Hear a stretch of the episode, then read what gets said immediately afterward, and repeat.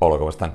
Quan penses que Jordi Cuixart, Jordi Sánchez, Oriol Junqueras, Joaquim Forn es passaran un altre Nadal i serà el quart consecutiu a la presó, no necessites gaires més demostracions que el Tribunal Suprem no només va actuar com el braç executor de la Porellos reial del 3 d'octubre, sinó que ha mantingut aquesta condició de reserva espiritual de l'Espanya eterna, o que ells en diuen eterna, eh, quan recentment va impedir que els presos i les preses polítics rebessin els drets penitenciaris que els són d'aplicació. Però perquè vegin fins a quin punt pot arribar el Suprem en la politització de la justícia, aquí està aquesta notícia de portada.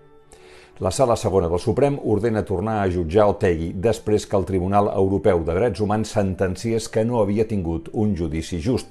La història és jutgen Otegui, s'està sis anys i mig a la presó, Estrasburg diu que no va tenir un judici just i ara el Tribunal Suprem diu ah no, doncs el tornem a jutjar.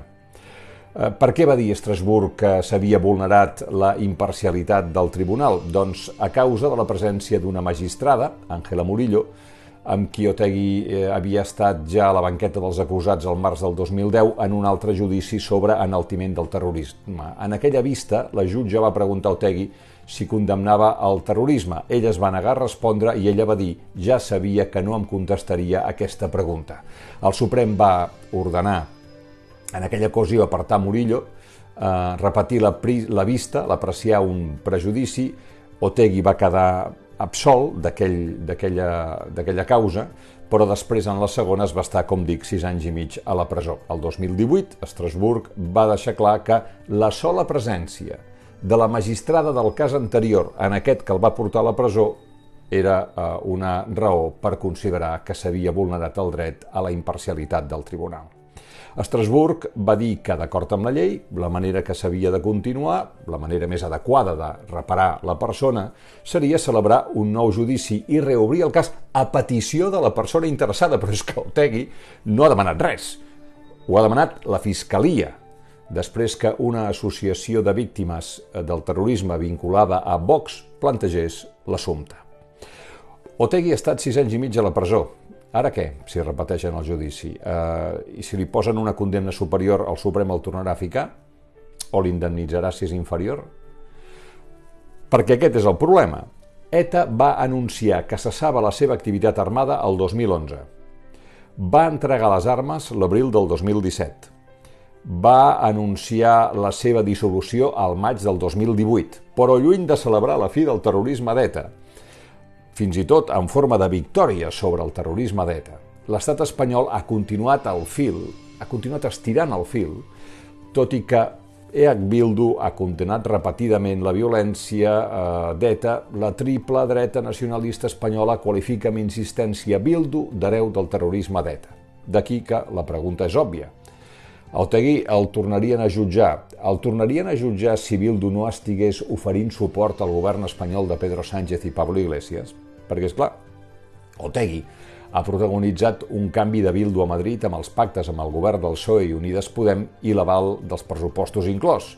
Per això ara és molt important per la dreta espanyola que tornem a veure Otegui assegut al banc dels acusats i d'aquesta manera, que és del que es tracta, fer veure aquest encaramata, eh, d'impedir la normalització de la vida política.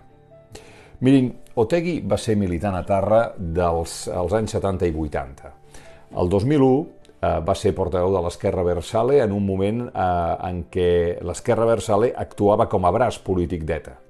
Però els fets desmenteixen que reorganitzés Batasuna el 2011 per rellençar ETA.